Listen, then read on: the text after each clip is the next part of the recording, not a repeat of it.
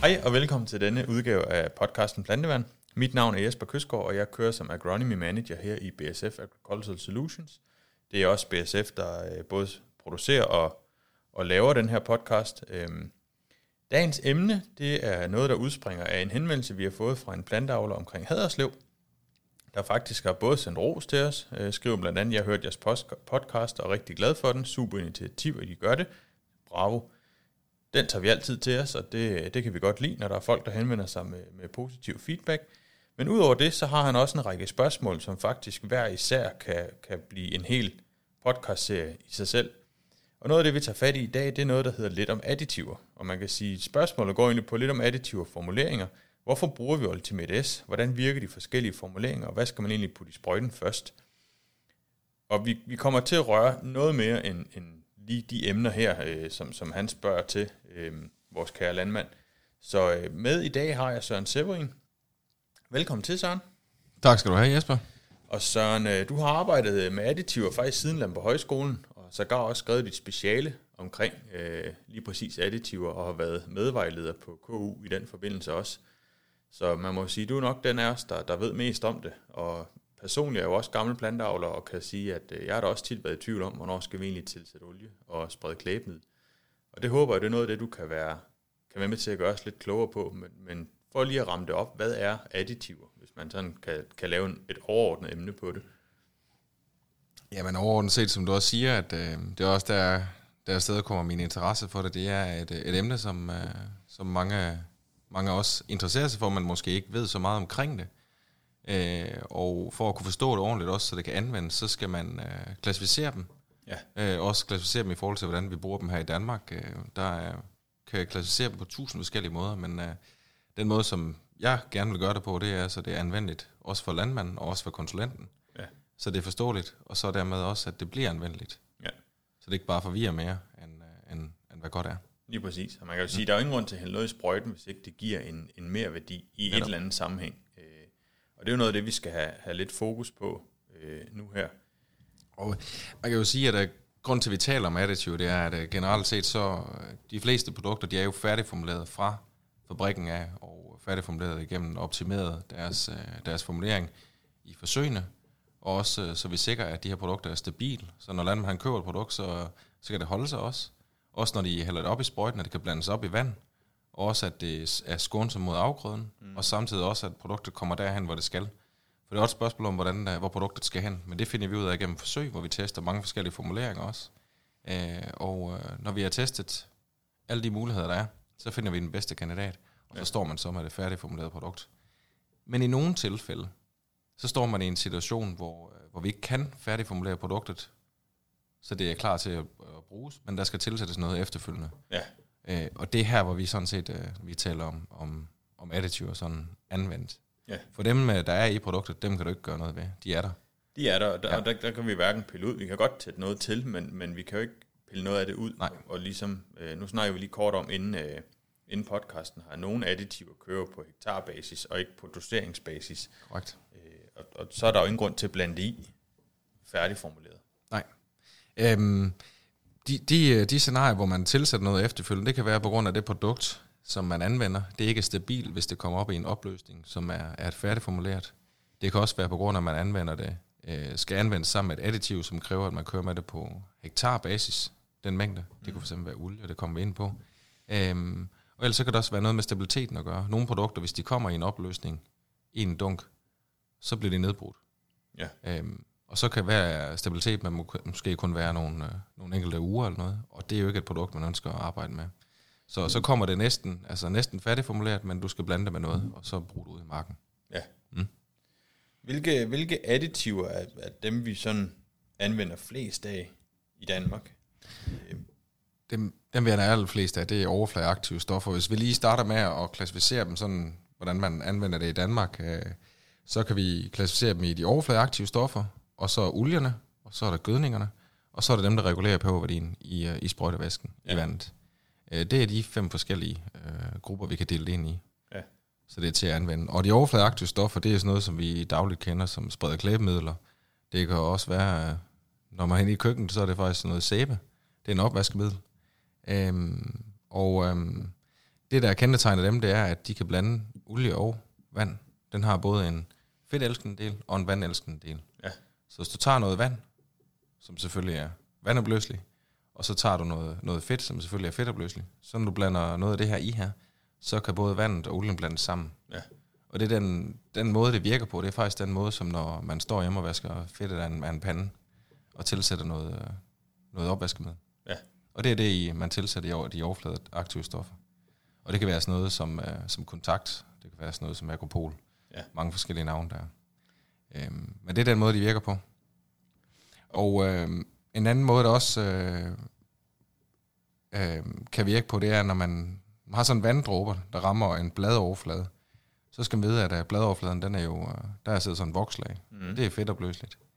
Hvis der så rammer sådan en vanddråbe, hvor der ikke er tilsat noget, så vil den jo så vil de afskyde hinanden, og så dråben kan risikere at ryge af bladet, og enten ryge ned på et andet blad, for så at ryge videre ned på jorden, og man så ikke får den effekt, man ønsker. Ja. Men når man så tilsætter sådan en overfladeaktiv stof, så sænker man faktisk overfladespændingen af det, og så når det her dråbe her, det rammer bladet, så bliver energien spredt ud over bladet, og så er der større sandsynlighed for, at det bliver der. Og så er der mindre af den her bounce-off-effekt. Og bounce-off-effekten, det er, hvis den dråbe rammer bladet, og så lige pludselig hopper af og videre ned. Så der er en bedre, øh, hvad kan man sige, klæbning til bladet. Derigennem også sprede og klæbning. Klæbemiddel, ja. Der er den daglige tale på det. Er der, er der nogen tommelfingerregel for, hvornår vi skal tilsætte spredt klæbemiddel? Det er der ved de produkter, der ikke er, er færdigformuleret. Øh, det er som sagt, altså øh, generelt med additiver, så, øh, så kan man sige, en husregel er, der er ingen tomfingerregel. Okay.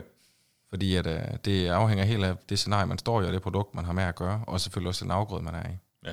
Øh, så det er meget svært. Det er også derfor, det kan være svært for nogen at håndtere det her med additiver her. Men, øh, men vi kan sætte nogle almindelige guidelines op her. Men Ja. ikke nogen, ikke, ingen tommelfinger. Ingen, ingen tommelfinger. Uden der er et undtagelse. Ja. Altid. Så, øhm, men de her overfladeaktive stoffer, det, man, det er dem, man anvender i, i størst mulig omfang, i, i, eller det største omfang i, i Danmark. Og det er sådan set også de mildeste af dem. Det er dem, der giver mindst skade. For det, vi skal huske på, når vi anvender additiv også, det er jo for at optimere effekten af for eksempel et ukrudtsmiddel. Det kan også være et svampemiddel, insektmiddel osv. Øhm, men vi har altså også en afgrøde, vi skal passe på. Mm. Og vi kan godt formulere produkterne så kraftigt, at de, øh, at de faktisk også slår afgrøden ihjel, eller de svider afgrøden osv. Så, videre. så det er altid et kompromis mellem effekt og skånsomhed. Ja. Øhm, de her overfladeaktive stoffer, den kan man næsten aldrig gøre noget forkert med. Så spredt klæbemiddel kan man ikke nedsætte en effekt på et produkt ved at, at tilsætte. Det kan man faktisk godt. Okay. Øhm, og det er, hvis vi er over i, der er jo forskellige typer af de her spredt klæbemidler, og dem vi anvender, de er, jo- de er ikke ladet. Øhm, det er nogle uladet spredt klæbemidler, uden ladning på. Øhm, og øh, der anvender en dosering på de her omkring en 0,05 til 0,1 procent af vandmængden. Og det er sådan set fast. Øh, hvis du hælder mere på end 0,1 procent, du får ikke en høj effekt. Nej. Den vil, den vil ligge på det samme. Det er en behandling af vandet, man gør med de her spredte klæbemidler. Ja. Så dem kører man ikke med på hektarbasis, man kører dem på vandmængdebasis. Det er dem, de almindelige, vi anvender. Og øh, så er vi over nogle andre, nogle andre øh, af de her spredte klæbemidler, overfladeaktive stoffer, som er silikonebaseret. Dem anvender vi ikke rigtig i landbruget, og det er sådan set kun på grund af prisen. Øh, De er meget bedre til at sprede, end de almindelige, vi anvender. Mm. Og derfor så anvender man hovedsageligt de steder, hvor man får størst mulig gavn af dem. Det kan være for eksempel i plantager, hvor du for eksempel skal sprøjte øh, calcium ud på dine æbler, for, på grund af calciummangel. Og for at få en tilstrækkelig dækning, så anvender man jo op til 1000 liter per hektar. Men når du så tilsætter sådan en silikonebaseret overfladeaktiv stof, så kan du reducere din, vand, reducere din vandmængde til 100 liter per hektar. Og det gør, ikke, det gør det her ved, at du får en meget højere kapacitet. Ja. Og det gør de gerne. Det kan også være, for eksempel hvis vi har med meget, meget svært befrugtbare overflader at gøre, det kan være for eksempel løg, og man øh, skal bekæmpe skimmel der, og det er med kontaktydel, når man gør det, når man bekæmper skimmel, i hvert fald når man har gjort det med de her kontaktmidler, så skal vi have den bedst mulige dækning. Mm. Og en bedst mulig dækning, den man opnå med sådan en silikonebaseret overfladeaktiv stof. Okay. Og vi har faktisk også øh, tidligere øh, med et af vores produkter, Cantus, øh, anvendt det sammen med et øh, overfladeaktivt stof i form af sådan en silikone, en superspreder, Ja. som gjorde, at vi fik en endnu bedre dækning af, af rapsen. De, øh, de nye formuleringer, vi har øh, af Cantus-baserede produkter, som, som, øh, som Pictactiv, som er en blanding af Peraklostobin og øh, Cantus, er et færdigformuleret produkt. Så der skal vi ikke tilsætte et overfladeaktivt stof for at få det til at virke. Nej. Det virker, som produktet er. Helt optimeret til rapsen. I forhold til, til spredt klæbemiddel, så kan man sige, så er der jo, så er der jo andre ting også. Der er jo nogle olier, øh, som også er et af de her additiver, som er, er meget anvendt. Øh, hvor kommer, altså, hvor stammer de olier fra? Hvad er det for, hvad er det for, for hvad kan man sige, inddelinger af olierne, man kan lave? Jamen, øh, olierne, de springer så egentlig ud af øh, helt oprindeligt med, at, øh, at der var de her mineralstyper af olier, som man anvendte øh, til at, at, at opløse vokslaget på, øh, på enten øh, afgrøden, eller på også på, på noget ukrudt, man ønsker at ramme. Øhm, og øhm, de her mineraler til at starte med, dem har man jo så tilpasset de her fedtsyrekæder, der er på overfladen i vokslaget på, på blandt andet ukrudtet.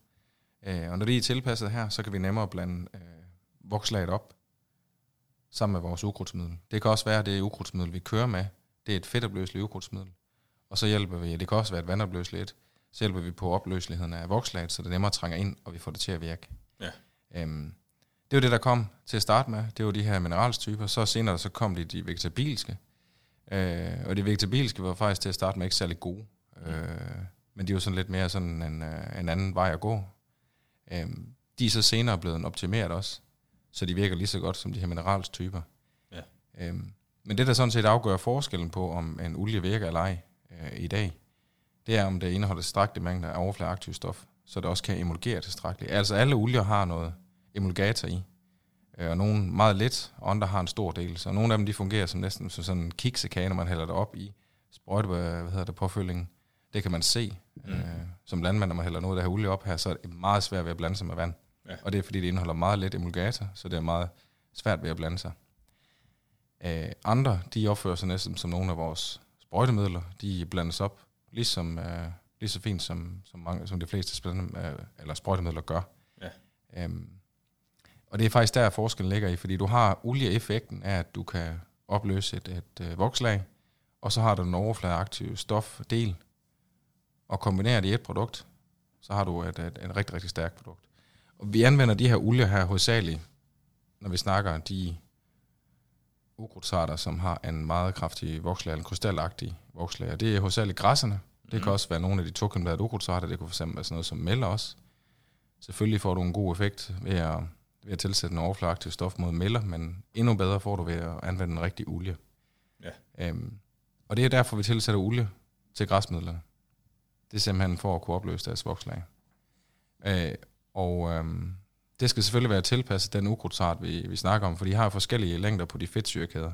Og derfor så den olie, man anvender, den skal have den, den rigtige fedtsyrelængde. Ja. Og så, øh, hvis den så har en, der, der ikke er, er, passer i længden, så er den ikke virkelig så godt, som en, der, der passer. Okay. Men som en guideline, hvis det indeholder en god mængde overfladeaktiv stof i olien, og emulgerer godt, så virker den også godt. Er der forskel på de olie, man kan købe i det danske marked? Er der nogen, du skal bruge til, no- til nogle bestemte ting, eller er en olie en olie, når du køber den øh, som landmand i grovvareledet? Jamen, øhm, det er jo alt, alt sammen øh, afhængig af efterspørgselen. Altså, hvis, man, hvis efterspørgselen siger, at det er bare en olie, vi skal have, jamen så er det sådan set lige meget, hvad man sælger. Så kan det jo bare være noget almindelig rapsolie. Eller hvad det skulle være. Så skal det jo være det billigste, der findes jo. Mm. Øh, og i nogle tilfælde, når man bruger forskellige olier, så ser du ingen forskel. Men det er jo nok, fordi det ikke har været ude under de forhold, hvor du ser den, den store forskel. Ja. Øhm, endda ved at tilsætte noget. Det kunne være, at det ikke engang har været behov for at tilsætte noget. Men når der virkelig er behov for at tilsætte noget, så skiller de sig fra hinanden. Ja. Øhm, også de her produkter, der er udviklet specifikt til det, de er selvfølgelig også øh, udviklet, øh, således de også er skånsomme mod afgrøden. Øhm, som for at vende tilbage til det igen med, at øh, vi skal huske på, at vi skal være skånsomme mod afgrøden. Mm. For hvis det er alt for aggressivt mod afgrøden, jamen så hjælper det ikke meget. Nej, nej, der er ingen grund til at køre, køre olie i en, i en ukrudtsprøjtning, og så ende med at sprøjte veden væk, for eksempel. Nej. Øh, det, det, det er der ikke noget, nogen, der har gavn af. Vi ser det jo også med olier her, når de sprøjter, sprøjter spinat og sådan noget, så går de også ned i oliemængden for at være skånsom mod, mod spinaten. Det samme gør sig faktisk også gældende, når man sprøjter majs også. Så du kører sådan en morgensprøjtning, hvor, hvor planterne i forvejen er helt åbne, Mm. fordi at de hele, hele natten har det sugt fugt til sig, så vokslaget er faktisk skåret igennem, det er revnet. Så ryger kemien lige ind igennem. Hvis du samtidig har en olie, så optimerer du effekten endnu mere. Og under de her forhold her, så kan man faktisk lave store skader. Ja. Så, øh. men, men hvis vi er meget, meget tørre forhold, som man også så i 18, Ja. det, hvis vi husker tilbage til 18, der så vi også, at øh, der var det stor forskel på, om man anvendte additiv eller ej, og også hvilket additiv man anvendte.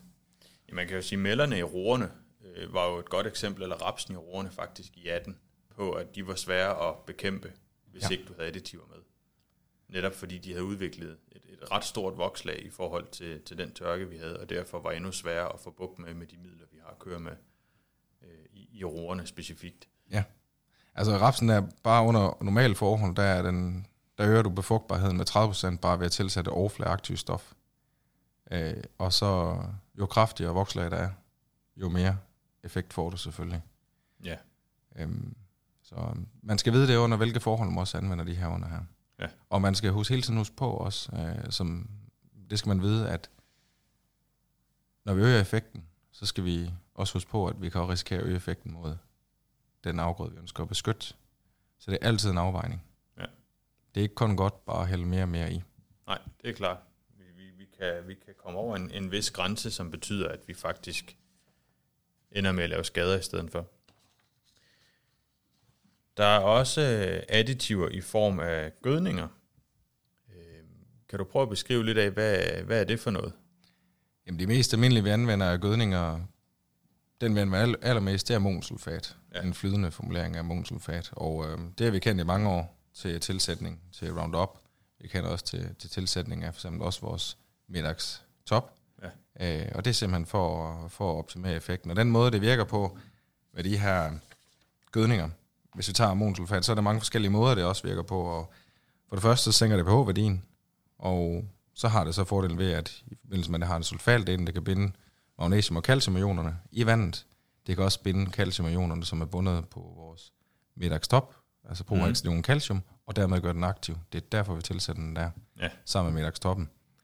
Ydermere, så øh, når det er sulfat, så kan det også øh, holde mere på vandet. Så hvis det er en tør periode, så holder det på vandet lidt længere, og dermed så er sprøjtevæsken i længere tid opløsningen på bladet, og har dermed længere tid til at trænge ind, ja. inden det tør ind.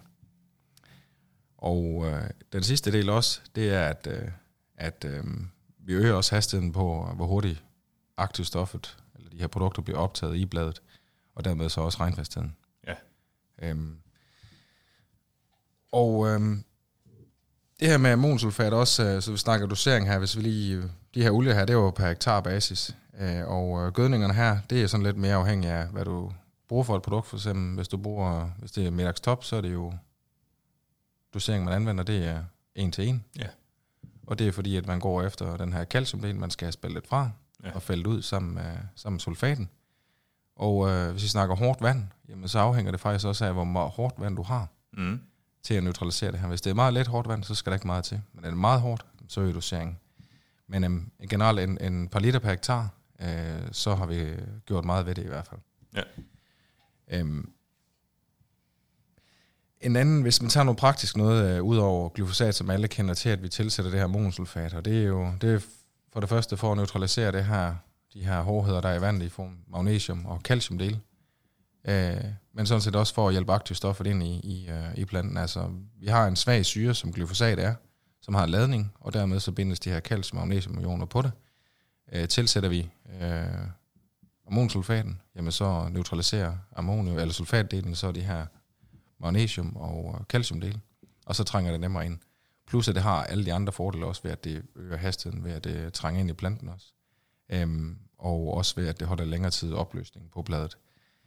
Øhm, og glyfosat det er jo et meget, meget stort molekyl, og meget, meget svært at få ind i planten. Og derfor så er- er ammoniumsulfaten faktisk en perfekt match til, til det molekyle. Ja. En anden molekyl også, som øh, kan være aktuel for mange, det er det her MCPA, Mm. og til bekæmpelse af agerpaderokke især også, og også, øh, også tisler. Jamen her igen, ligesom mange andre ukrudtsmidler, så er det også en svag syre, og den kan også risikere at binde sammen med de her calcium- og magnesiumdele. Så det er helt klart, at dem, der, dem, der skal bekæmpe tisler, eller skal bekæmpe agerpaderokke også, tilsæt noget ammoniumsulfat også, ligesom er godt til glyfosaten, og også noget spredt klæbemiddel. Øh, det effekten den bliver betragteligt forøget. Og man kan sige, at hvis man har været glad nok for den effekt, man havde nu, ved at, uden at bruge monosulfat til MCP'en, jamen så sænk doseringen af MCP, og så tilsæt noget monosulfat. Ja. Så får du den samme effekt. Og hvis du så på den anden måde ikke har været helt tilfreds med din effekt, jamen så kan du optimere effekten ved at tilsætte noget ammoniumsulfat. Og det er uden at påvirke afgrøden, vi gør det her. Ja. Og øhm, faktisk det her med, med padderokker, det er også meget interessant, for Band Danmark har arbejdet meget på det her. Det er jo et stort problem også på deres arealer, og derfor så er der også tidligere blevet udført nogle forsøg med MCP øh, for at optimere effekten der. Og der har man blandt andet fundet det her med ammoniumsulfaten. Ja. Og også med spredklæbende, hvordan det øger effekten af MCP. Spændende. Mm. Er der andre ting omkring gødningerne, vi skal, skal røre, eller skal vi springe til næste? Ja, men jeg tænker, vi kan kort lige uh, nævne det her med urea. Altså urea, ja. det vil jeg generelt set uh, holde mig fra at tilsætte. Uh, altså der er mange, hvis man tager til, til lande, hvor de har nogle meget kraftigere solindstråling og afgrøder, ukrudtsarter, med meget kraftigere vokslager, end hvad vi har under vores himmelstrøg her. Jamen, uh, så kan det godt være, at man får en effekt af det. Men uh, heroppe, der ser vi tit, at, uh, at uh, hvis vokslaget ikke er så kraftigt, og så du tilsætter det her uh, urea, Ja. så får du kraftige skader.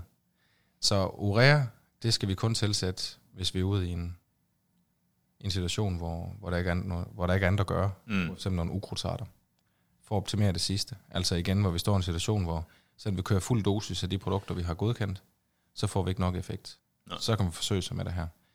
Men man skal huske på, at man kan også risikere at øge effekten ganske kraftigt over for afgrøden. Ja. Og så er der også de her svidningsskader. Jeg skulle til at sige, svidningsskaderne er jo i høj grad en af dem. Det kender vi jo sågar bare fra flydende gødning, Ja. øh, som jo ikke er super ureaholdig, men stadigvæk svider. Ja.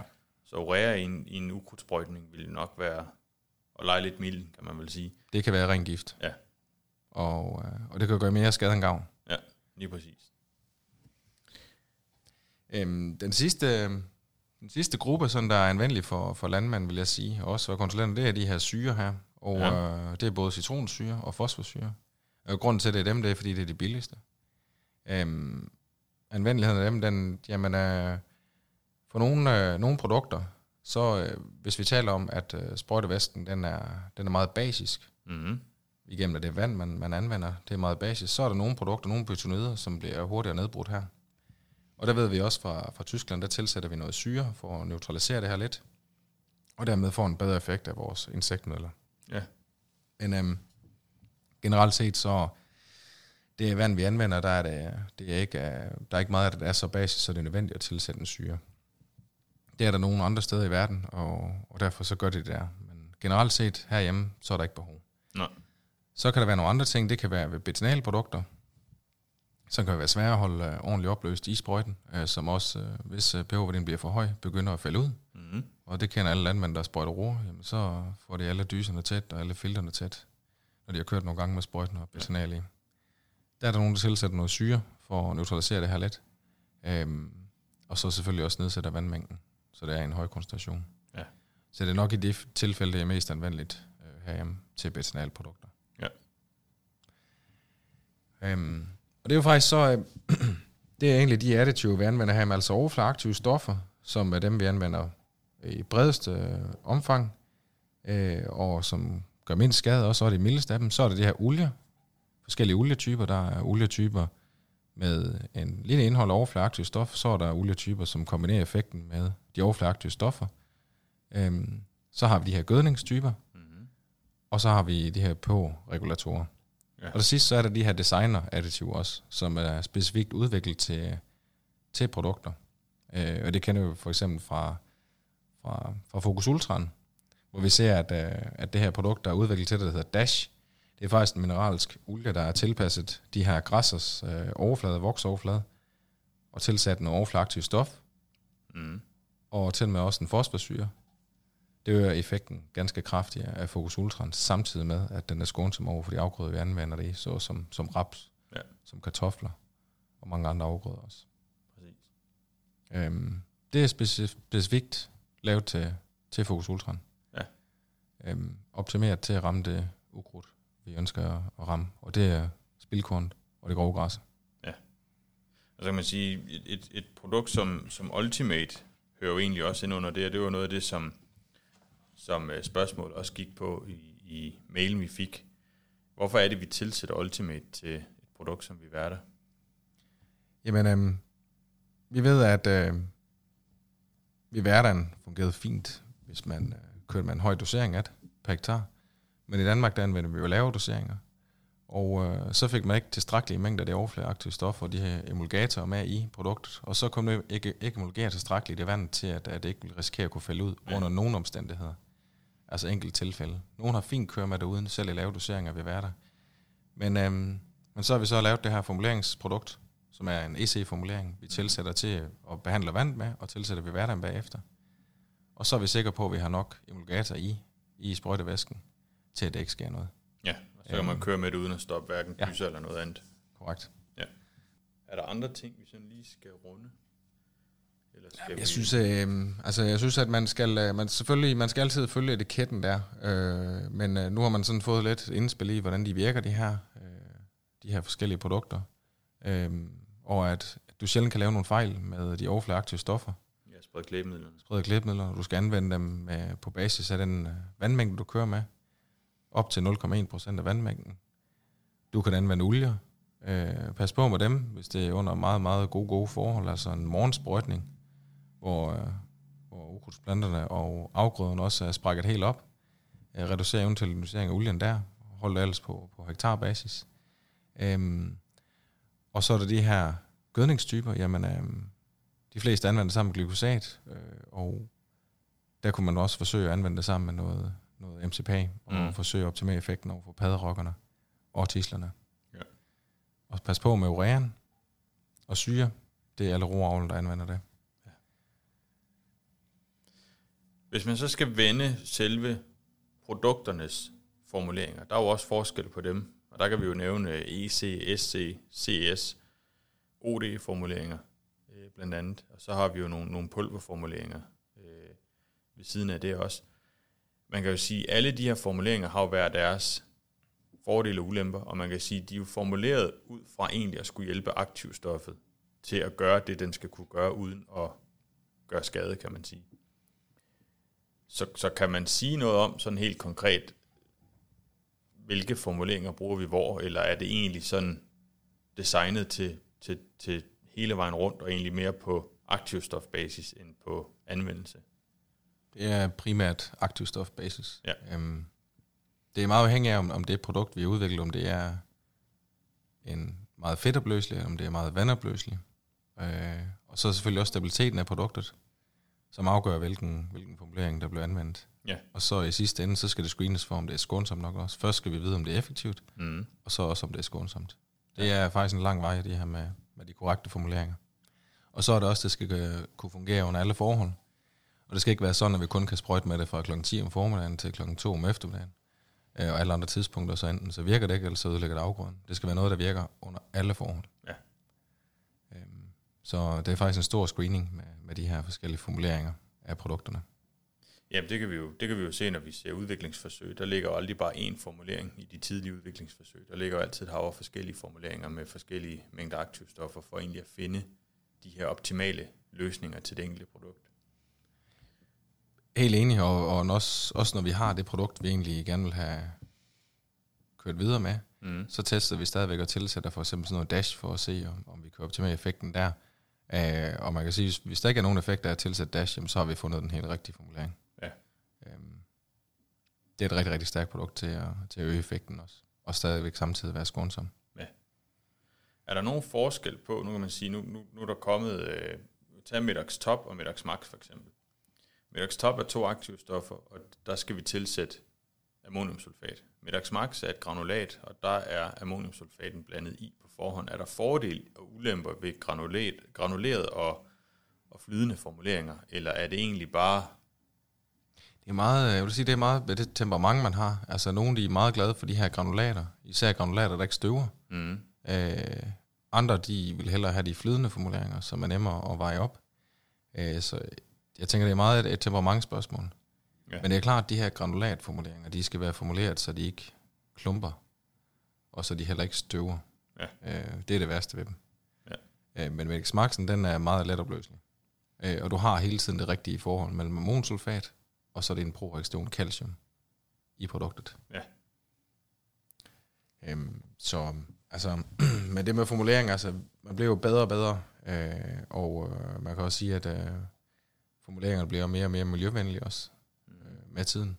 Øh, de, øh, nogle af de spredt klæbemidler, man havde i, i øh, før i tiden, kan man sige, dem valgte man frivilligt og udfase, fordi man vidste, de var skadelige. Ja. Så alle dem, vi anvender i dag, de har meget, meget lav øh, effekt på miljøet. Ja, så vil jeg egentlig runde af og sige uh, tak, fordi du var med, Søren. Jeg har lige en, en sidste, sidste del, jeg Ja. synes, der er værd at nævne. Øh, når vi nu taler om tilsætningsmidler, additiver, så øh, alt det, vi lige har gennemgået her, det er vi jo sådan set både fedtopløselige produkter, overfladeaktive stoffer, gødninger, pH-regulatorer osv. Øh, når man er færdig med at sprøjte her, Ja. og har brugt nogle af de her produkter her også, så øh, er det sådan set også meget vigtigt at få den her sprøjt gjort rent. Og det er faktisk en af de vigtigste additiver, det er dem, der kan rengøre sprøjten efterfølgende. Ja. Øhm, især nogle af de her meget fedtopløselige produkter, få dem ud af sprøjten. Øhm, de her sprøjter her, hvis de står her og tør ind med det sprøjtevæske, der er i, så sætter det sig ganske kraftigt. Og på nogle af, nogle af sprøjterne, så, øhm, så brænder det ind i de her polytanke her, Ja. og så risikerer at få det frigivet senere, og så skader en afgrøde. Så øh, have altid noget sprøjterengøring på lager, og få den gjort ren umiddelbart efter, Ja. du har brugt den, inden den begynder at tørre ind. Så er man sikker på, at man ikke laver øh, nogle skader senere. ja, for vi kender jo alle sammen raps, der har fået rester af minimidler, som har siddet i sprøjten, Ja. og, og som simpelthen ikke overlever af det. Det klassiske eksempel. Ja. Så rengøring til sprøjten, et af de vigtigste additiver, vi sådan set kan putte i vores sprøjte, for at sikre hele sædskiftet, hvis man kan sige det sådan. Ja. Ja. Jamen, øh, så vil jeg sige tak for, at du har været med, Søren. Øh, Jeg siger også Det er tak. altid spændende. Det er altid rart at, at høre en ekspert på et område øh, uddybe sig. Så håber jeg, at du som lytter har fået noget, noget mere med. Og så kan vi jo sige, hvis du er i tvivl, så læs på etiketten, om der står, at du skal tilsætte enten olie eller spredt klæbemiddel. Og nu har du så i hvert fald lært, at der er forskel på, om det er spredt klæbemiddel eller olie. Det hører vi også nogle gange nogen, der, der vender tilbage med, at det, det er jo det samme, og det er det i høj grad ikke. Så læs etiketten, og er du i tvivl, så er du altid velkommen til at ringe til en af os agronomy managers i BSF, og så kan vi øh, hjælpe dig på vej til, hvordan, øh, hvordan du skal, skal lave din blanding. Og så vil jeg jo lige som vi starter ud med at sige, at den her podcast og emnet er jo egentlig kommet fra en henvendelse fra en landmand fra Haderslev. Og hvis du også har nogle spørgsmål eller nogle emner, du tænker, der kunne være interessant at tage op i, i øh, podcasten her, Planteværn, så er du altid velkommen til at skrive til jesper.kystgård, og det er k y s t og går med dobbelt punktum, øh, eller snabelagbsf.com, og så øh, tager jeg din henvendelse med videre. Og øh, endnu en gang, Søren, så skal du have mange tak for at, at have været med. Det er altid hyggeligt at, at have dig med i podcasten. Du var også med sidste gang om, om raps. Hvis ikke I har hørt den, så kan I gå ind og høre den også. Og ellers så vil jeg jo sige øh, på gensyn, og vi lyttes ved med næste podcast. BASF. We create chemistry.